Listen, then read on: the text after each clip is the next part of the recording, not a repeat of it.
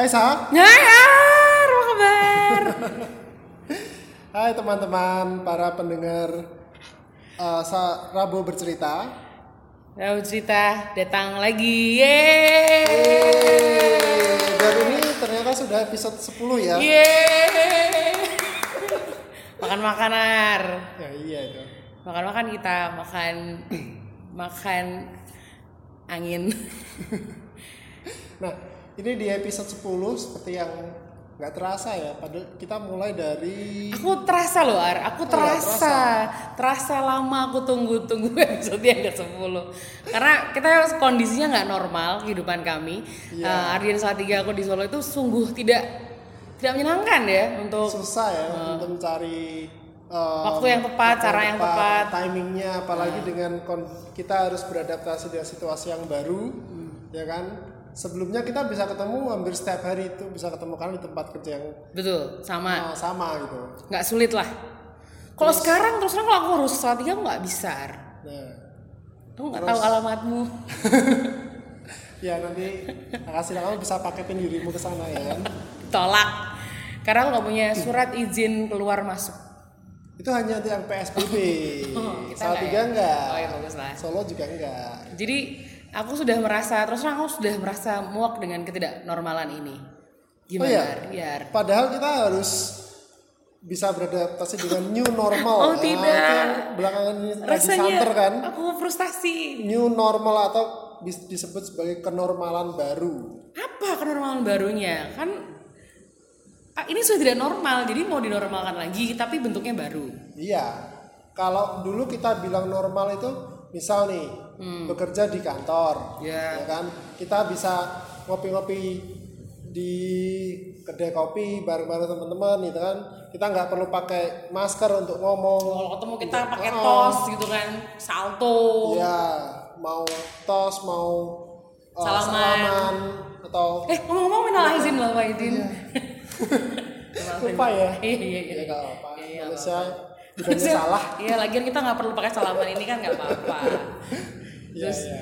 itu nggak Kembali ke, normal. ah, normal. Kalau dulu kan kayak gitu. Jadi kita biasalah beraktivitas, berkumpul, bertatap muka itu biasa. Ya. Itu normal gitu. Itu normal. Normalnya kalau ketemu orang itu ya kayak gitulah. Sekarang kan beda. Beda banget. Apalagi kayak kita di sektor pendidikan kan. Hmm. Kalau sekarang itu lebih ke arah kayak homeschooling kan. Iya loh, school from home. Ya. SFH. Wih. Eh, School from home. Ardian adalah tempatnya singkatan-singkatan. Jadi itu ternyata yang harus kita adaptasi. Hai saksi, adaptasi dari kehidupan ini ya. Kalau enggak, kalau kata Ardian itu ngomongnya udah santai, adaptasi. Kalau aku kan masih frustasi-frustasi. Jadi kenormalan baru itu apakah sangat bisa aku lakukan atau enggak ya Ren, menurutmu? Kalau bisa nggak bisa itu ya harus bisa. Karena sekarang pilihannya adalah adaptasi itu untuk survive gitu. Oke. Kalau kita nggak bisa beradaptasi, ya kita nggak akan bisa bertahan. Kalau kita gampangnya gini, kemarin-kemarin orang-orang pada jenuh kan di rumah itu dua minggu nggak tahu harus ngapain, kerjaan juga kayaknya nggak bisa habis gitu kan. Cuman ya mau nggak mau kita harus lakukan itu.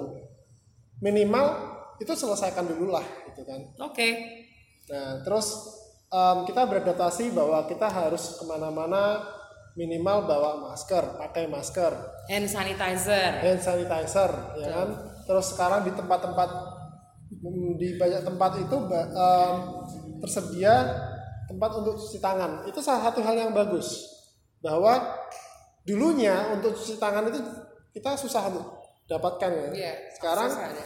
Mau masuk ke satu tempat aja kita bisa cuci tangan di depan dan gratis. gitu. Terus kalau lo mau bayar ada jaraknya. Ya, untungnya, nah untungnya itu sekarang sudah banyak sekali kayak e-wallet.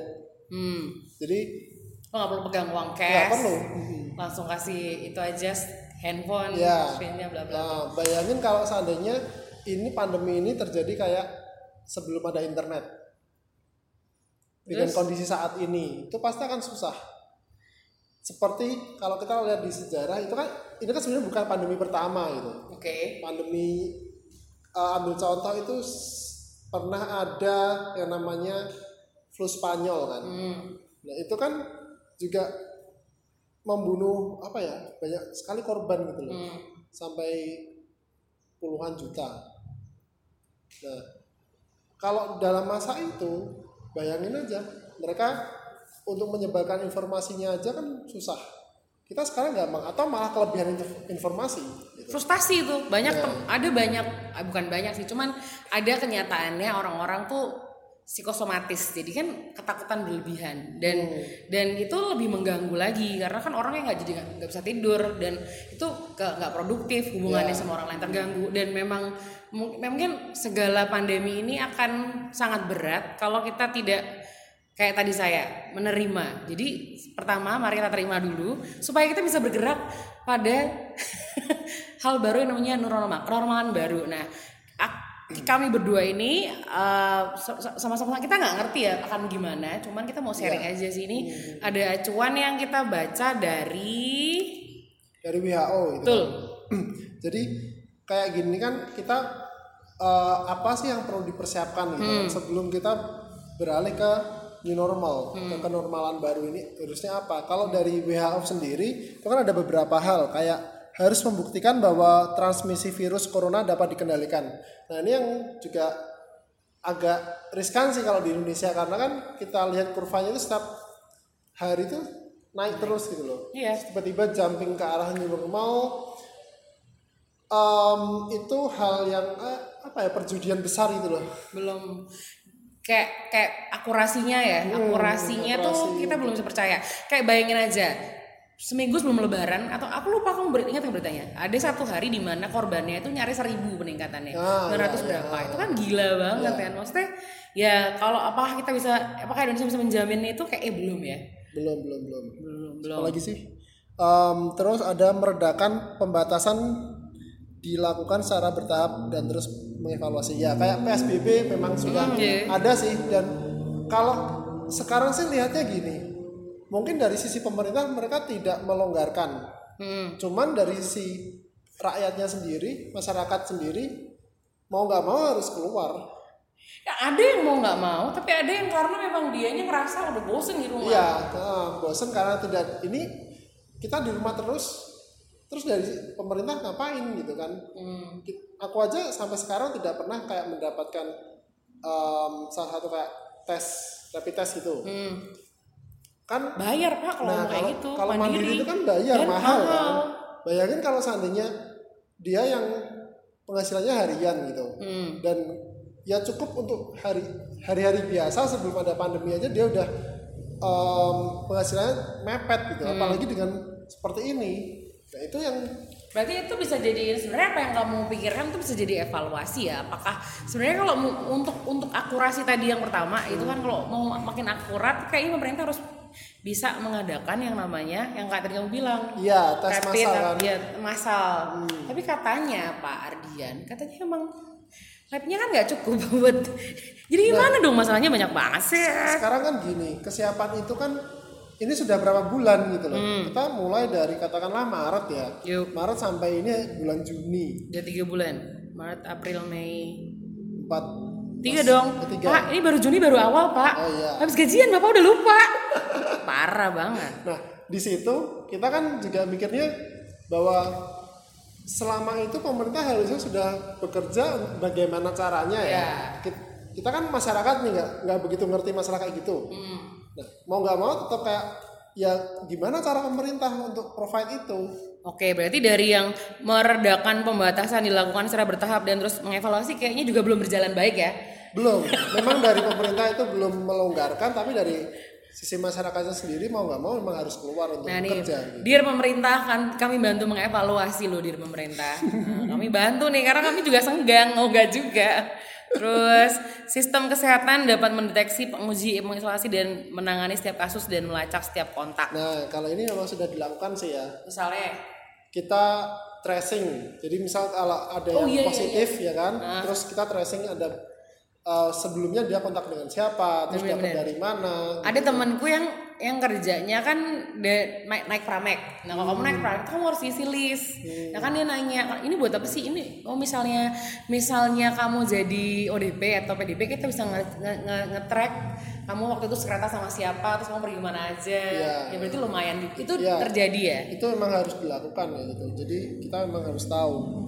Terus resiko penularan wabah telah diminimalkan di tempat-tempat rentan. Nah ini yang juga mungkin di awal itu iya. Kalau aku lihat gitu, di awal itu iya bahwa di tempat-tempat yang resiko uh, resikonya Penyebarannya tinggi. itu di diminimalkan. Tapi semakin ke sini semua itu dilonggarkan. Contoh, dulu di awal-awal kita sering lihat disinfektan itu kayak mobil ya nah itu kan di kota gitu kan Iya, terus di tempat-tempat kayak di rumah itu kadang ada seminggu Petugasnya, sekali ah, gitu tapi semakin ke sini semakin nggak ada. Terus yang ada malah kebalikannya. Ya. tempat-tempat kayak mall dibuka gitu kan. Akhirnya orang semua pada ke sana untuk beli baju baru gitu kan. Kan itu nggak perlu gitu loh. Nah, itu yang semalah kamar. Karena ya gimana dong? Maksudnya kat, pasti ini dia bilang gini kan pemerintah kan. Kita mau jalani dua-duanya nih eh, antara apa uang keuangan ekonomi jalan naik kesehatan juga. Tapi kayak itu itu berat banget ya. Kamu nggak bisa dong naikin ekonomi tapi berharap membuka mall membuka ini. Tapi tapi kamu nggak nemu cara untuk mencegah penyebarannya di tempat-tempat itu. Nah gitu. Jadi kalau aku lihat memang ketimpangan rasionya terlalu besar ya. Misal gini, setiap orang itu mereka bekerja gitu kan untuk me- memperbaiki sistem ekonomi. Oke, ekonomi diperbaiki diperbaiki nih, dan juga kesehatan harus juga diperbaiki. Nah, masalahnya adalah kalau untuk kesehatan itu kan orang harus menempuh jalur pendidikan betul dan itu butuh waktu yang lama. Kalau dia tidak punya background pendidikan, ya susah dong, hmm. ya kan? Untuk mengenali merawat pasien yang benar itu gimana sih? Untuk masukin jarum infus yang benar itu gimana sih? Gitu. gila loh Nanti jangan-jangan dia salah kasih obat lagi, Yoi. ya kan? Kita aja pernah dengar kasus malpraktek itu orang yang tahu pendidikan, eh, tahu tentang apa? punya background ya punya background dalam em, medis gitu. Nah, masalahnya adalah sektor kesehatannya itu kan nggak bisa secara langsung. nggak imbang. Heeh, untuk evaluasinya adalah makanya tuh sekolah kedokteran jangan mahal-mahal. Gila. Ya ya ya ya betul. Mo- mohon maaf mohon maaf. Maksudnya kan gini maksudnya kalau sekolah, sekolah dok- kedokteran tuh mahal tuh bu ya tolong. Supaya gimana caranya banyak dokter di Indonesia ini. Kok soalnya terus terang ya mungkin kalau aku ada uangnya aku bisa loh ke sekolah kedokteran kayaknya ya Iya. mungkin ya Bisa kok bisa. iya. Dear pemerintah. Terus kalau yang kelima itu adalah tadi menurut WHO eh, sekolah, tempat kerja dan tempat penting lainnya telah menetapkan langkah-langkah pencegahan. Ini jelas belum terlihat. Nah, ini yang sebenarnya kita mau bahas ya lebih ke arah sektor pendidikan karena kan kita ada di sektor pendidikan. Ya, kami adalah guru. Iya, ken- kenormalan baru atau new normal dalam bidang edukasi itu akan seperti apa itu. Eh, sebelum masuk ke situ, kita baiknya kayak ref apa ya, em, kembali ke belakang dulu kayak kemarin kan kita sudah ada Kita men-trace. iya Back. school from home selama pandemi ini Iya. kan dari Maret sampai sekarang gitu. Kira-kira oke. evaluasi seperti apa itu? Ya. Kalau kamu kan ngajar anak-anak kecil nih, Iya betul Kecil-kecil sekali. sekali, Eh mo- mohon maaf gak segitu pak. Itu stunting dong. Gimana? TK maksudnya. umur-umur berapa, Wei? Kita, aku ngajarnya tuh TK besar ya, 5 5 6 tahun. Nah, terus anak-anak gimana? Ya karena mereka nggak bisa ke sekolah kan mereka kan di rumah belajarnya e-learning. Ya. Jadi e-learning yang kita bikin tuh adalah kita kasih eh, belajar eh, via yang nyaman sih sebenarnya karena worksheetnya ki- kita itu di print. Karena kan kita ngerti dong anak-anak kan memang harus di usia mereka kan memang harus eh, Pegang gitu ya? megang pensil, menulis dan memang tidak baik membaca di layar komputer terlalu lama dan itu yang terjadi. Nah kita uh, modelnya juga untuk kangen-kangenan itu pakai zoom kelas. Kenapa i- zoom kelas nggak bisa Ar, kalau buat ngasih materi ke anak umur 5 dan 6 Ya. Uh, masalahnya banyak mau masalah kemampuan kemampuan bertahan mau saya apa ketahanan ke materinya ya kan konsentrasi dan lain-lain. Belum lagi sinyal pak. Oh iya iya, iya. itu kan sangat mengganggu. Aku udah ngomong kayak apa dia anaknya teriak-teriak ma ma ini mati ma mati. Dia nggak mati ya aku jalan terus. Tapi nggak ngerti kenapa dia mah mah gitu kan. Nah terus kayak itu kan maksudnya ini teknis juga gitu. Makanya zoom itu 30 menit tapi harus sangat efisien efektif. Makanya zoom kita pakainya buat kayak nyanyi kayak dongeng gitu-gitu. Tapi evaluasinya adalah kemarin tuh diuntungkan karena di akhir tahun ajaran. Otomatis yang kita kasih adalah review repetition masalahnya kalau besok tahun ajaran baru nah ini yang baru ini ya, Ya. ini normal baru ini akan gimana kah kenormalan yang akan kami lakukan nah itu Iya. masih dipikirkan itu kurang lebih hampir sama sih dengan yang di anak-anak kelas akan ngajar kelas 4 ya nah SD kalau kelas 4 itu kemarin mem, em, kami tuh lebih fokus pada materi yang sudah diajarkan hmm. jadi istilahnya adalah mastery Hmm. Em, hal-hal yang sudah diajarkan itu diulang kembali supaya anak-anak itu lebih paham ya. di- dibandingkan dengan memberikan materi baru ke mereka.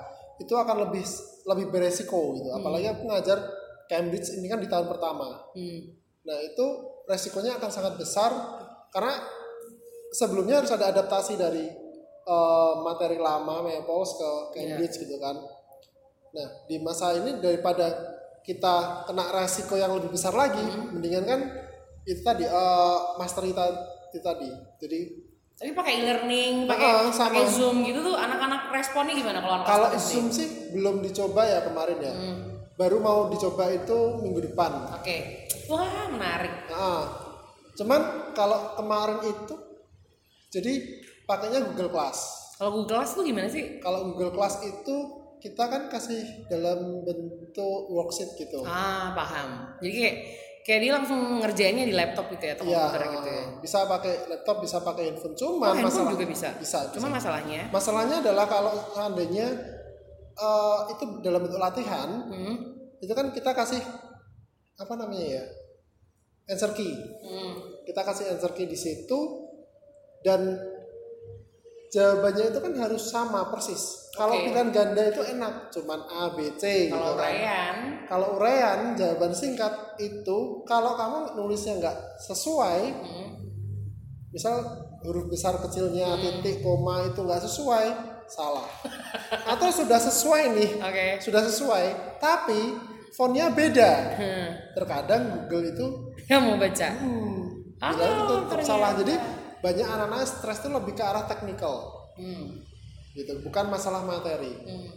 itu bukti bahwa memang kita beradaptasi dengan e-learning itu masih ini ya, kalau di skor gitu mungkin 67 ya di setengah lah Iya enam setengah gitu. Karena emang emang ini baru banget dan sulit. Masalahnya ya it- memang itu kenyataannya gitu. Betul. kalau itu kita diuntungkan kita ada di kota gitu kan Hmm. dan kalau di daerah daerah-daerah kan ada temanku dia pernah ngajar di Aceh gitu Oke. dia di daerah yang di hari-hari biasa aja Hmm. anak-anaknya mau masuk itu udah bagus gitu 3 T. Terluar, tertinggal. Ada pokoknya istilahnya. Oh, iya. Terluar, tertinggal. Yang penting nggak terlupakan deh. pokoknya ada itu namanya istilahnya 3 T. Terus Ya. terus di situ waktu aku tanya kan terus gimana uh, muridmu di sana gitu kan di Aceh gitu. ya udah dibiarin. Hah? karena mereka nggak ada sinyal. Wow. yang pasti itu. Dari satu kelas itu cuma ada satu anak. Wah. Even satu pun gurunya nggak bisa nolong ya. iya kalau satu mereka tetap harus physical distancing. Istilahnya seperti itu. Mereka harus work from home. Hmm. harus belajar dari rumah. Terus gimana? Hmm. caranya mereka untuk kan katanya nggak boleh keluar rumah tapi untuk akses uh, internet aja Gak ada. nggak ada gitu loh itu yang susah memang ada kita pernah lihat berita sih yang satu guru harus ke banyak Iya, iya, rumah iya. gitu kan Aha, nah aha. ini kalau di sana ya nggak semua guru bisa seperti itu juga Oh, tapi ini ini ya. Oh ya, berarti uh, yang dilakukan sama Kementerian Pendidikan itu new normalnya oh atau adaptasi mereka pada pendidikan itu mereka lewat ini TVRI karena nonton TVRI. Iya. Nah, jadi dari pagi sampai siang tuh mereka bikin jadwal-jadwal. Ini jam ini sesama jalan-jalan sama untuk anak-anak PAUD. Oh. Habis itu nanti apa untuk anak-anak sampai SD kelas berapa. Habis itu SMP habis itu waktu aku lihat tapi memang itu nggak bisa dijadiin ini ya. Ya nggak bisa nggak jadi bisa. patokan nggak bisa jadi patokan karena waktu itu kan kayak uh, murid eh, murid ponakanku sih Nah. ponakanku dia kelas 5 Hmm. di jam kurang lebih jam 9 kan di jam 9 itu harusnya dia nonton hmm. tapi waktu nonton eh aku nggak belajar ini aku nggak tahu itu apa kan nah itu untuk kelas berapa sebenarnya kan Ya gitu kan? Ya, materinya itu sebenarnya untuk kelas berapa Hei, berarti kita sebenarnya kalau mau kalau kita mau berpikir agak dalam ya, kita harus berterima kasih pada COVID karena membukakan betapa pendidikan Indonesia ini enggak banget sebenarnya. ya memang pendidikan Maksudnya tidak Indonesia- merata, tidak Betul. apa ya relevan gitu-gitu lah kadang di beberapa maksudnya kayak gini loh eh, di Jawa kayaknya udah sampai segini di Jakarta materinya udah kayak gitu nah kita belum belajar gitu gitu kan Ya kemarin-kemarin memang sebenarnya itu sudah jadi rahasia umum ya. Eh benar-benar. Rahasia umum yang sekarang terbongkar oleh COVID-19. Rasakan. Oh Nah, enggak, enggak. di sini harusnya juga besok pemerintah harus lebih um, mungkin lagi sih untuk mempersiapkan pendidikan ini kan. Kurikulumnya juga harus disesuaikan. Hmm. Oh iya, bener ya, banget juga. tuh. Karena kan kita nggak yang kita tahu ini nggak kita ya yang kita tahu kita nggak akan tahu kapan ini berakhir kan kita tahunya ini nggak kita nggak ngerti kapan Satu jadi hal yang pasti tidak ada tahu. kepastian. Itu. bener banget kan? bener banget sekali Iya. anda pak jadi mohon kami sebagai guru tapi tapi tapi sebenarnya gini hal-hal yang dilakukan secara personal itu sangat sangat mari kita hormati nah salah satunya yang aku mau respect sama Ardian karena dia bikin game-game yang aku sebenarnya nggak ngerti kayak kayak gitu. Cuman dia bikin buat murid-muridnya. Dan itu kece lah ya. Jadi guru bergerak guru belajar. Tapi nggak semua karena aku juga nggak bikin. Iya, kema- kalau aku sih kemarin mikirnya karena anak-anak pasti sudah stres kan di rumah nggak boleh Ah. ketemu nggak boleh main ke mana-mana gitu. Ini bukan liburan tapi uh, belajar dari rumah. Dan bedanya dengan homeschooling adalah kalau dulu homeschooling itu walaupun belajar di rumah tapi suasananya kan lebih enak.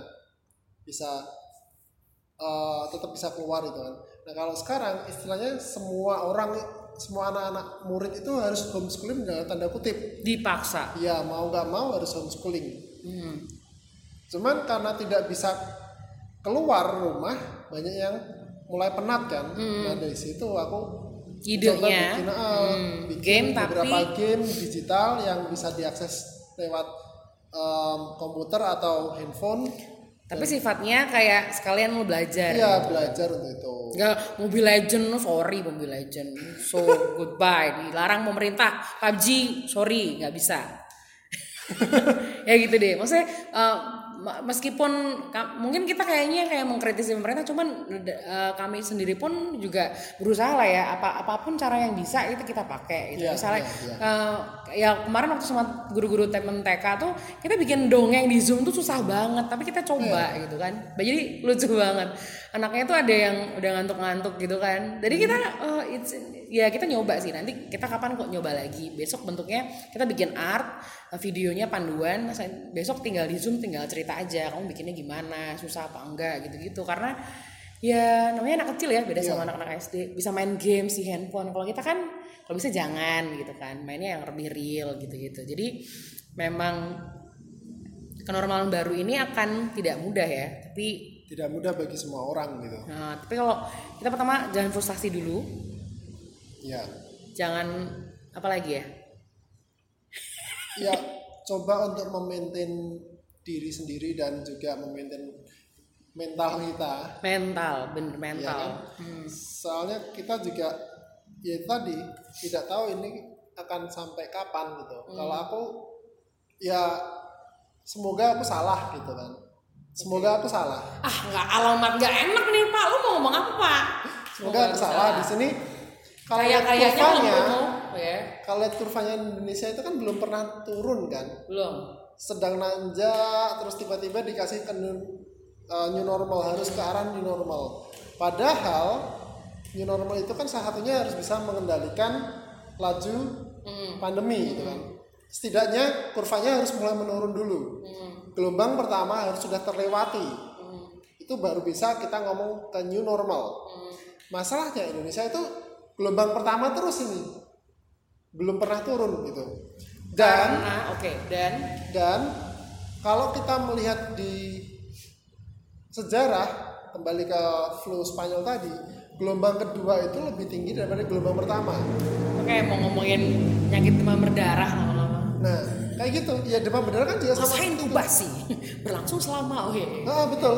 Karena kan kurvanya seperti apa? Sadel kuda kan? Nah jadi pertama naik naik terus turun naik lagi terus naik lagi gitu selesai. Nah itu selesai. Tapi kita nggak pernah tahu kalau pandemi ini apakah naik, turun, Nah naik lagi. karena turun.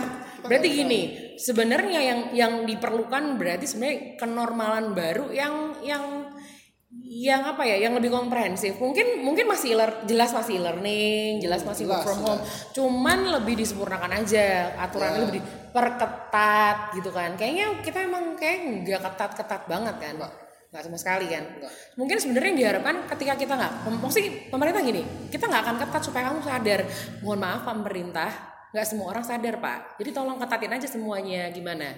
Maksudnya ya gimana dong? Aku udah di rumah berbulan-bulan orang lain tiba-tiba ke mana-mana gitu kan. Betul. eh aku jadi emosi anak emosi ya Arya mentalku terganggu dari gimana ini? Tolong aku tolong aku tolong aku tolong aku. Jadi aku mungkin belum siap dengan kenormalan baru tapi setelah ketemu Ardian dan teman-temanku yang lainnya kan mungkin makin siap ya menerima kenormalan baru.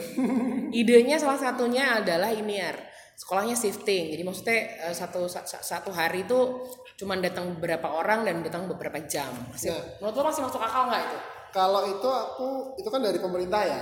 Ah. ide baru ide Ide, ide dari pemerintah kan seperti itu bahwa nanti sekolahnya di shift gitu.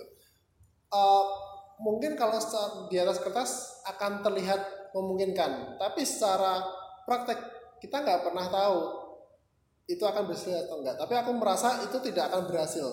Hmm. Karena gini, kita lihat anak-anak aja lah. Hmm. Kalau mereka ketemu sama temennya pasti bawahnya pengen dekat-dekat gitu kan. Padahal harus ada social physical distancing gitu. Hmm. Anak-anak tuh nggak bisa diminta kayak gitu. Hei kamu nggak boleh. Mereka suruh baris juga aja nggak suruh. bisa aku biasanya kan aku tos Nah. kadang aku meluk dikit-dikit badi ya kan lucu-lucu cute-cute anak TK gimana dong bu Iya, pipinya gitu. cabi-cabi tapi aku harus menahan diri aku sepertinya juga sulit ar Nah itu kan juga susah gitu kan. Dari Ya. sisi hal kayak gitu. Terus kita masa kita mau Dan kasih itu natural naturalnya Iya, itu mereka natural. loh. Hmm. Kita nggak pernah bisa minta anak-anak untuk Ayo kamu jaraknya satu meter loh gitu nggak bisa. itu berlaku kalau anak SMP marah-marahan sama cowoknya udah dibikin hubungannya nggak harmonis Itu aja kalau pacaran. oh iya, iya. Kalau enggak, mohon maaf pak maksudnya kan gurunya bisa kejem eh dia kan kalau SMP kan bisa lah ada guru BP bisa gitu kan. Ya mungkin karena mereka udah kayak logikanya udah Nah, main jalan kan. gitu kan. Tapi nggak semua sih. oke berarti itu kayaknya belum siap ya. Terus eh, eh, saran selanjutnya adalah em, apa nih stoknya? Udah nggak ada sekolah sih udah aja sarannya. Ya, Itu kalau- soal soalnya mungkin sebenarnya kalau dipikir-pikir emang pemerintah juga belum menemu cara. Karena juga aku mikirnya, aku masih bingung bagian shifting itu dari sisi gurunya. kenapa pak Berarti kita harus ngajar dua kali. eh, iya dong menurut Ngana pak Bayangin aja. ya waktunya dong cuma sejam Kamu ngajar dua kali. Kalau aku sih lebih membayangkan, aku sih membayangkan kayak gini ya. Memang kita perlu kita perlu ketemu muka muka dengan muka, apalagi untuk anak TK. Cuma maksudnya jumlahnya sedikit, sangat Iya. sedikit gitu. Sekarang kita aja mulai dari jam berapa biasanya? Eh, kalau TK belajarnya tiga jam, kalau TK besar loh ya. Ya total kamu di tiga jam kan? Tiga jam dua kelas berarti enam jam. 6 jam. Itu belum persiapan. Nih pak, Iya kan? iya betul. Apalagi persiapan anak-anak TK gunting-gunting. Ya udah bikin di rumah lo tempel-tempel. Di rumah kamu nggak ngapa-ngapain juga berarti. Gak bisa Kerjaan juga ya. rumah. Nah sebenarnya gini, mungkin gini. em, Koreksi? Tapi sebenarnya gini, ada hal yang kamu nggak bisa dapat ketika di rumah aja.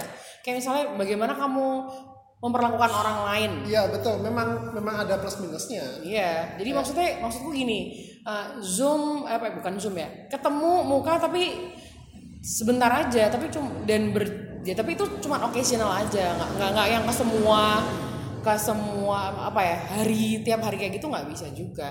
Tapi ada hari tertentu di mana kita bikin acara kayak gitu, jadi tempatnya sangat luas tuh sudah di spot-spot spot dan itu berlangsung kayak kayak party ada orang tapi berjarak. Hmm, ya. Tapi kan ide doang ya, ide sih. Kayaknya di imajinasiku kayaknya bisa ya, tapi kan kenyataannya belum tentu karena belum diuji juga. Betul betul. betul. Kalau kayak gini ini aku yang agak khawatir adalah dari sisi kur jadi hilang atau bukan hilang tapi berkurangnya sisi toleransi ya kan dengan orang karena iya. bukan kalau kita kan udah terbentuk nih sisi toleransinya hmm. seperti itu karena kita sudah melakukan normal Karena kita lama sudah itu, tua.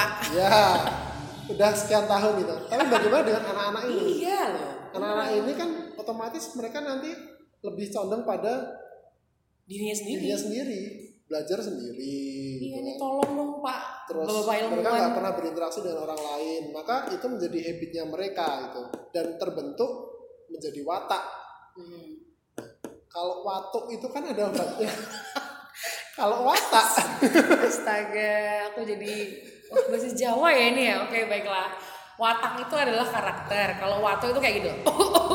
itu. Karena kalau ada yang dengar orang luar kan, aku cuman ini peragaan watuk. Aku bukan beneran batuk. Watuk batuk kan ada obatnya. Kalau karakter itu sulit ya, gitu kan ya. Iya, kurang lebihnya seperti itu. Itu salah satu kekhawatiran sih kalau seandainya ini ter Baiklah. dalam waktu yang aku, lama gitu. Aku akan ini aja Uh, tapi gini Ar, aku menemukan satu satu hal yang bisa bisa ini nggak tahu menolong apa nggak. Cuman gini, kalau itu masalah karakter ya, mari para orang tua harusnya bapak ibu menyadari karakter itu penting dan anda bisa menjadi contoh yang baik untuk karakter anak-anak anda di rumah.